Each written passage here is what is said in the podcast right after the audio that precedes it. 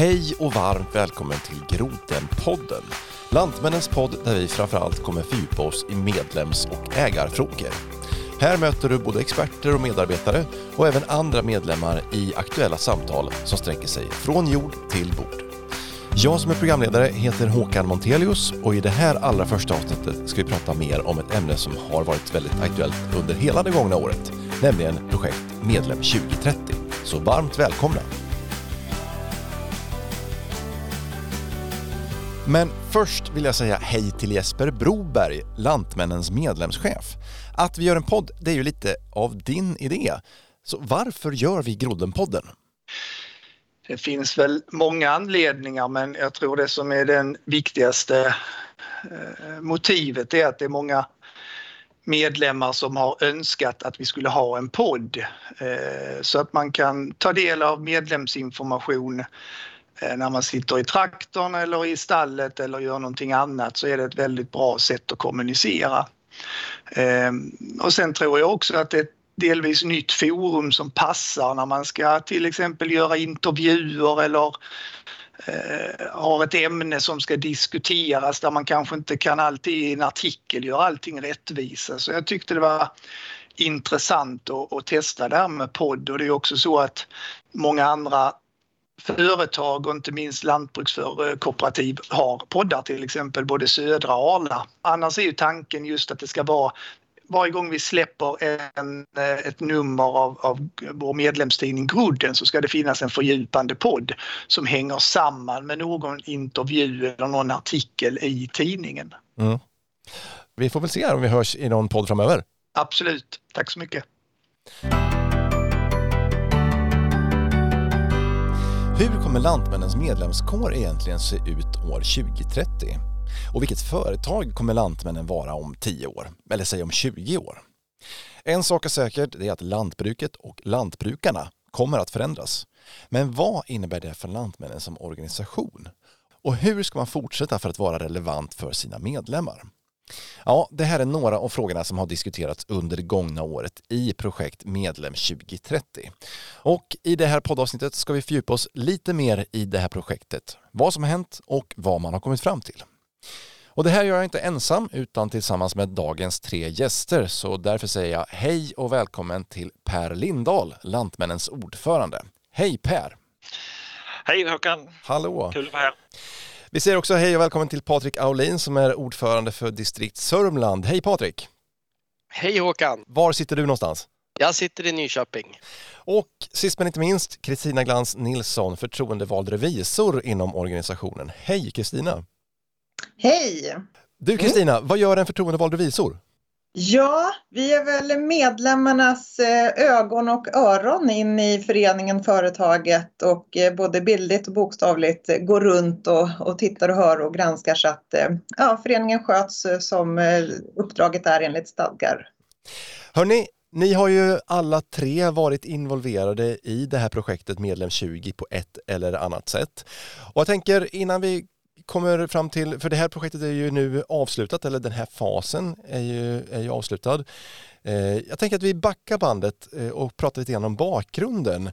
Per, eh, kan du förklara lite grann eller berätta varför drog det här projektet igång? Nej, men kan, man kan väl säga först och främst att Alltså det är viktigt för Lantmännen som är ett kooperativt företag att vi liksom har en ständig dialog med våra medlemmar och förtroendevalda och kan liksom utveckla den här dialogen. Och då har vi haft ett antal projekt genom åren.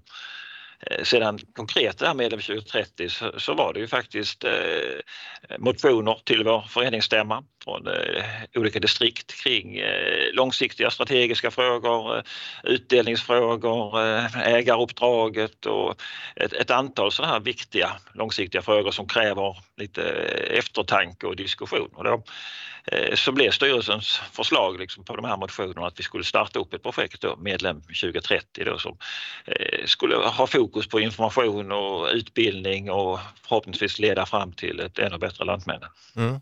Och Patrik, jag vet att ni från, från Sörmlandsdistriktet, ni var involverade i att skriva en av de här motionerna.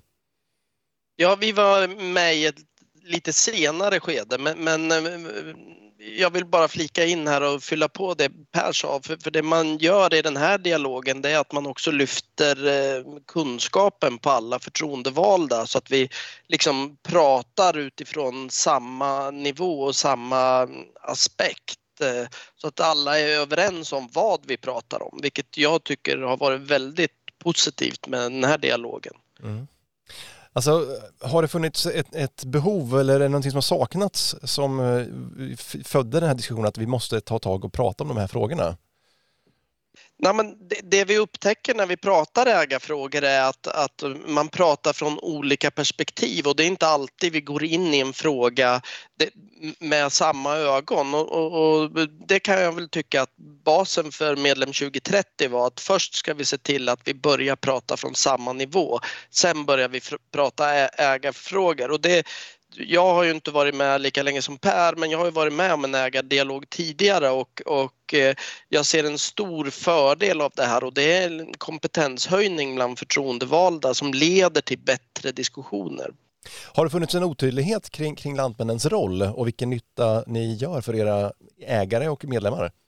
Jag tycker att vårt ägaruppdrag är otroligt tydligt. Vi, vi, är, vi är överens om vad vi vill gemensamt allihopa utan det, det som är svårt är att formulera mål och mäta dem.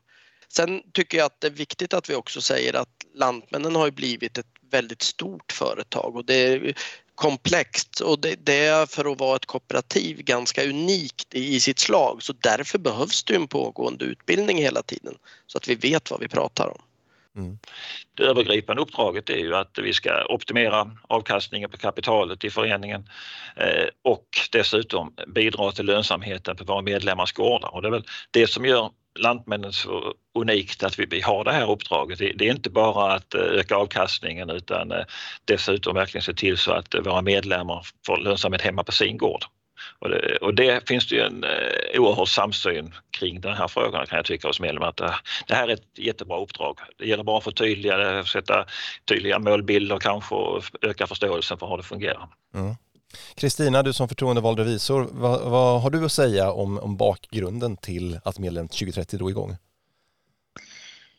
Ja, men eh, det, det, är ju mycket i de här motionerna som, som ligger grund, men också är det ett ständigt behov av att eh, prata utveckling eh, i föreningen och ägarnas eh, eh synpunkter, att de tas till fram. Och för oss eh, har det varit viktigt att se att det blir en ägardialog värd namnet, att man inte redan vet svaret när man börjar och så ska man bara göra ett antal aktiviteter som, eh, ja, så att det ser snyggt ut eller vad man ska, utan att vi verkligen har eh, gjort eh, saker, att det har funnits tid, att det har funnits eh, budget och resurser för eh, att driva den här processen bra och eh, sen summera upp så att, så att man har nått målet med projektet eh, på ett bra sätt.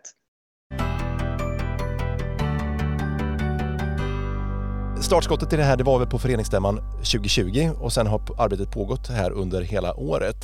Eh, vad har hänt i det här projektet?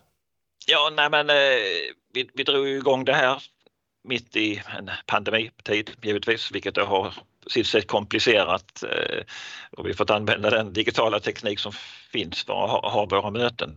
Vilket i sig kanske kan jag känna har kanske varit bra för vi har också kunnat eh, se till att ha väldigt bra möten med kompetenta föreläsare. Vi har haft ett, eh, börjar mycket med ett antal seminarier kring eh, alltifrån kring spannmål, eh, kapital, behov i föreningen, utdelningar, eh, vår strategi.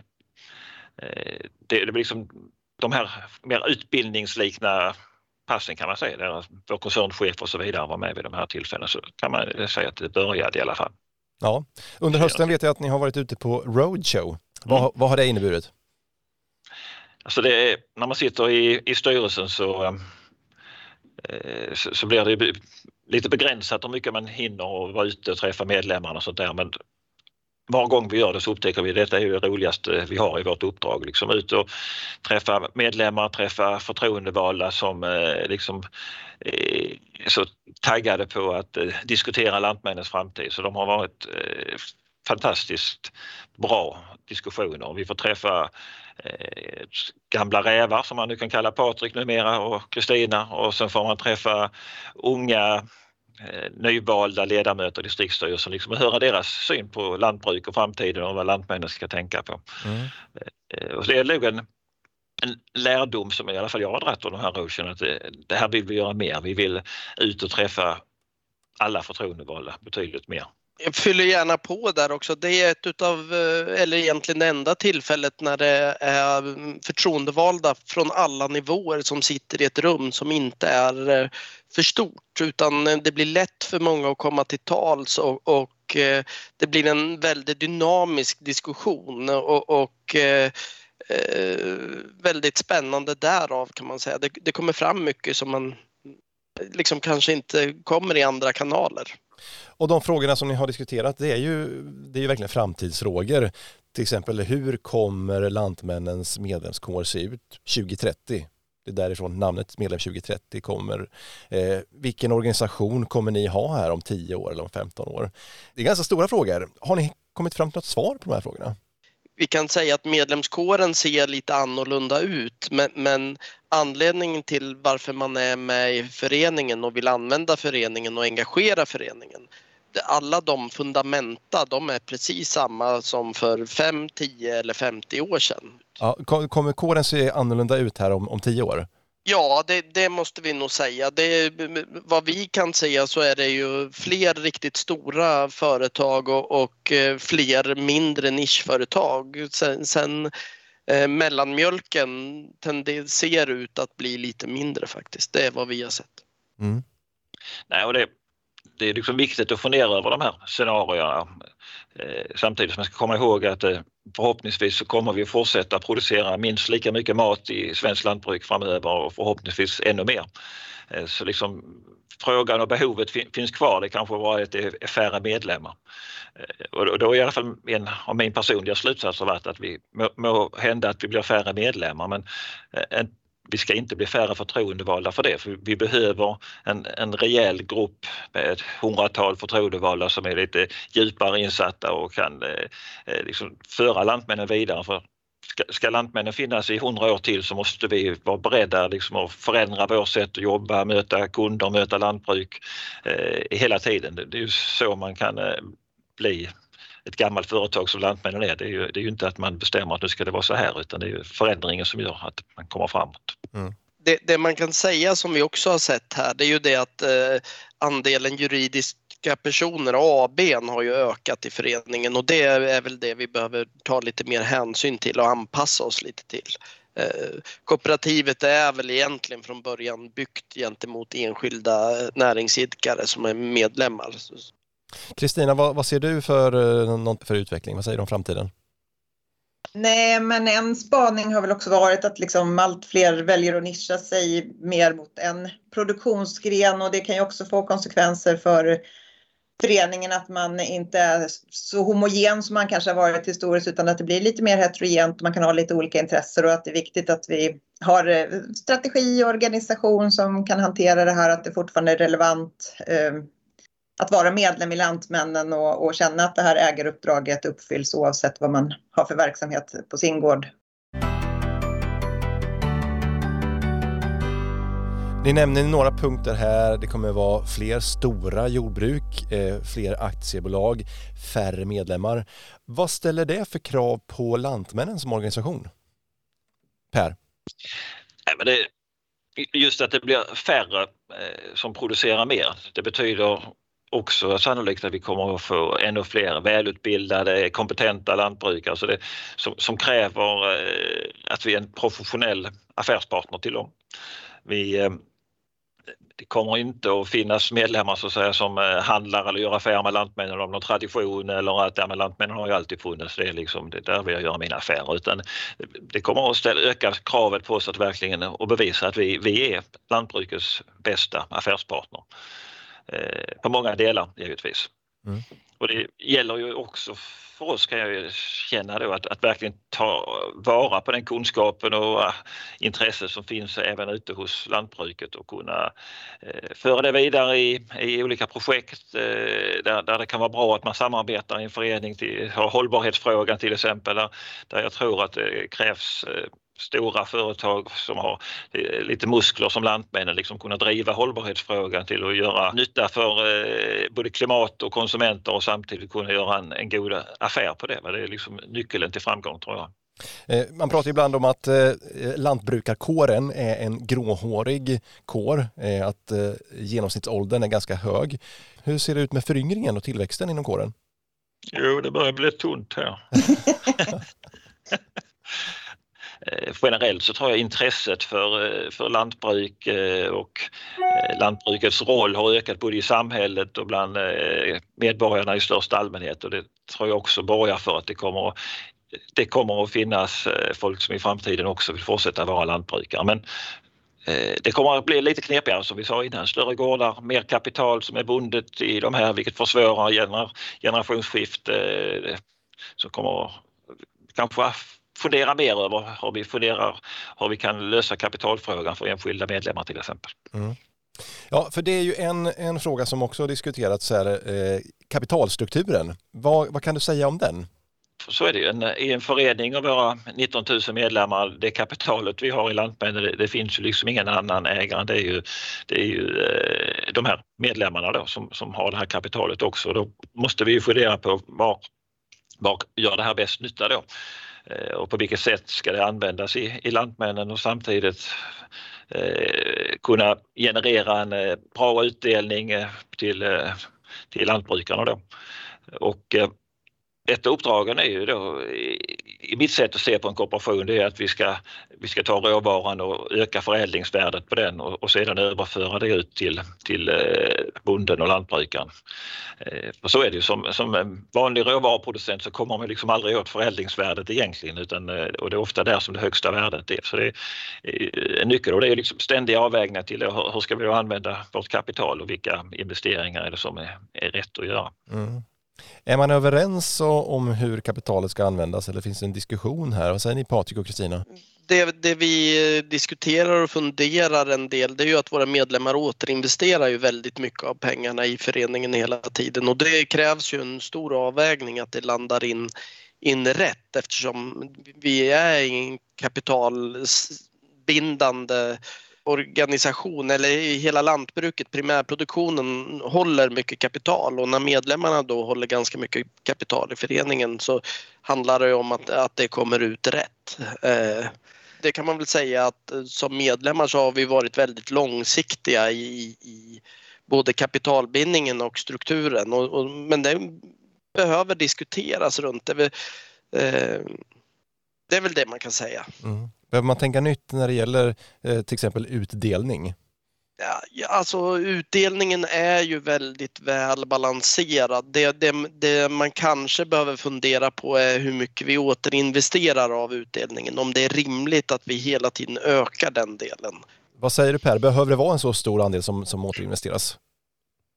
Ja, man kan väl säga att vår, vår utdelning då som förra året var 902 miljoner. Det, det är ganska mycket pengar som kommer ut till eh, våra medlemmar och eh, när man tittar på det så är det, kan det ju faktiskt vara i den totala sektorkalkylen så kan det vara eh, mer än 10% av det totala resultatet som är utdelning i Lantmännen. Och vår ambition är att liksom fortsätta att, att generera de här utdelningarna och generera mer och mer. Sedan är det klart att det är också viktigt för oss att vi investerar i saker som indirekt är till nytta för svenskt lantbruk. Eh, som driver utvecklingen på gårdarna på, lång sikt också. Som jag var inne på innan kring hållbarhetsfrågan till exempel, eh, att vi kan investera pengar i, i den typen av frågor som kanske inte någon annan skulle göra om inte Lantmännen hade funnits. Vi ska släppa in Kristina i samtalet också. Ja, nej, men jag vill knyta an till den här hållbarhetsfrågan just ur flera perspektiv och också på gård. Att det måste vara hållbart på gård. Det måste vara tillräckligt eh, lönsamt som en del i, i hållbarheten eh, för att kunna, som vi var inne på, äga, skifta, generationsskifta företag. Eh, om man knyter sen tillbaka till hållbarhet, miljö, klimatfrågan så finns det ju också otroligt stora investerings och utvecklingsbehov på gård. Man kommer behöva göra teknikskiften, byta bränsle i sina maskiner och eh, också få en kanske hållbarare arbetsmiljö och, och så vidare. Så där kommer, kommer det ju också koppling till den här kapitalfrågan. Hur mycket pengar eh, ska vi eh, i olika tider kanske eh, ha kvar i föreningen och hur mycket behövs på gård och ja, vad finns det för verktyg att jobba med där och det är ju, det är styrelsens roll att, att titta på de frågorna och känna att företaget går i balans. Arbetet med att ta fram nyckeltal eller mätetal det har varit en del i, i eh, medlem 2030 och det handlar om att eh, mäta just alltså hur Lantmännen bidrar till lönsamheten för den enskilde lantbrukaren. Jag vet att Patrik, du har varit involverad i det arbetet. Hur har det gått?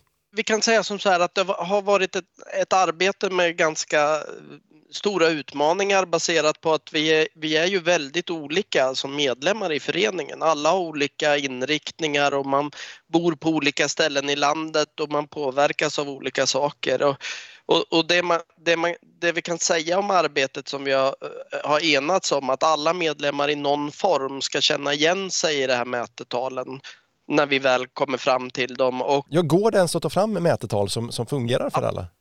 Absolut det handlar, det handlar faktiskt om att bestämma sig för hur man ska mäta och vad vi mäter på. Eh, det, det, det, man kan säga att den här gruppen som är tillsatt för att, att hitta fram mätetalen är ju otroligt målinriktad och det finns en vilja. Det, vi vet också om att vi måste kompromissa och att vi kanske inte träffar riktigt rätt. Men vi anser för engagemanget i föreningen och, och, för våra medlemmars skull är det vid den här, just nu där vi är ett så stort företag är det viktigt att vi kan säga att det här gör vi för våra medlemmar och våra medlemmar har den här eh, vinsten av att vara med i föreningen. Mm. Vi är också ganska säkra på att det ökar engagemanget och, och engagemanget i en kooperation är ju liksom livsnerven. Kan du nämna så, något, har ni kommit fram till något mätetal som, som du kan säga redan nu? Nej, jag skulle inte vilja göra det. Det, det, det, det, det vi kan säga om mätetalen är det att vi är helt säkra på att det måste vara ett antal mätetal och i kombination av varandra för att träffa rätt.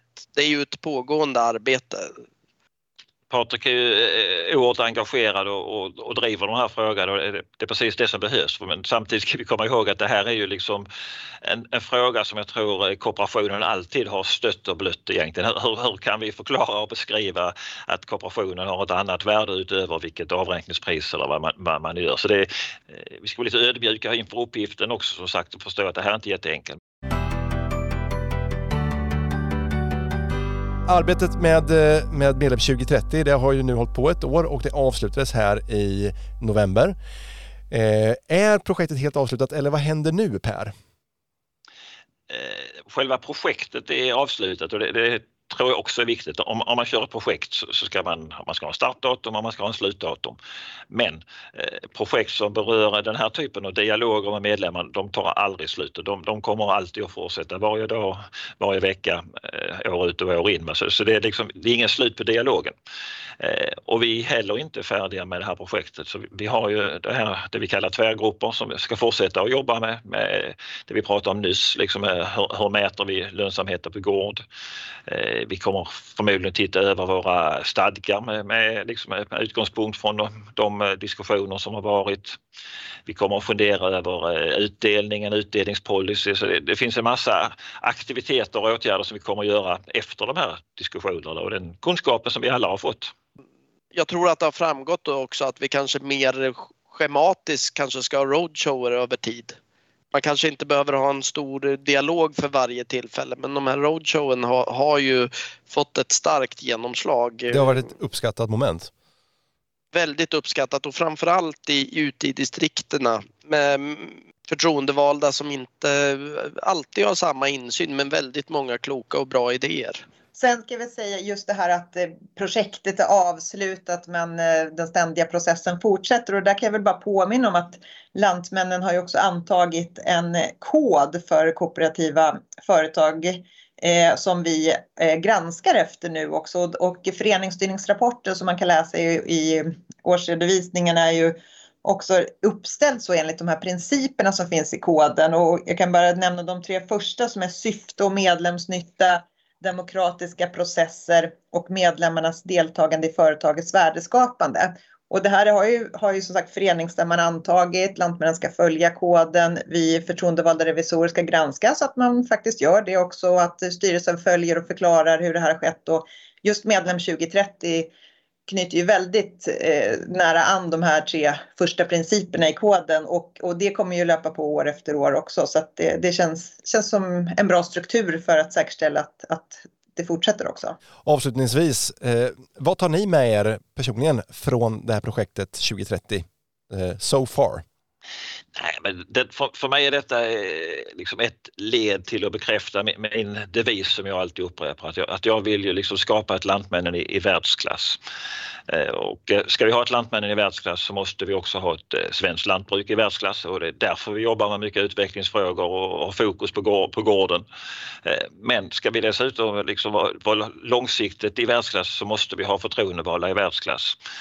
Och vi har genom det här projektet tagit ett, ett stort steg kan jag tycka. Mm. Jag tror inte det finns några bättre förtroendevalda i Sverige än Lantmännens förtroendevalda, det är jag ganska säker på. Kristina, vad säger du?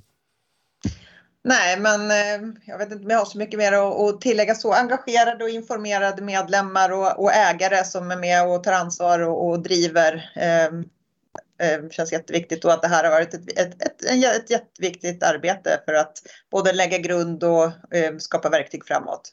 Och Patrik? Vad det här projektet framförallt gör det är att öka engagemanget bland de förtroendevalda som finns. Och återigen så, så ska vi driva den här kooperationen på, på ett bra vis framåt så är engagemang vår livsnerv. Och, och det här arbetet som har gjorts nu det ökar garanterat engagemanget bland förtroendevalda.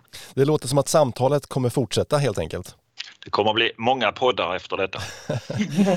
Eh, det hoppas vi, men det här avsnittet är slut för idag så jag säger stort tack till Per Lindahl, Patrik Aulin och Kristina Glans Nilsson för att ni var med här i det första avsnittet av Groddenpodden. Tackar! Och detta var allt från Groddenpodden för den här gången. Hoppas att du tyckte det här var ett intressant samtal och att vi hörs igen i nästa avsnitt. Det kommer i samband med nästa nummer av tidningen Groden, då om ett helt annat ämne och med helt andra gäster. Tills dess säger jag, vi hörs!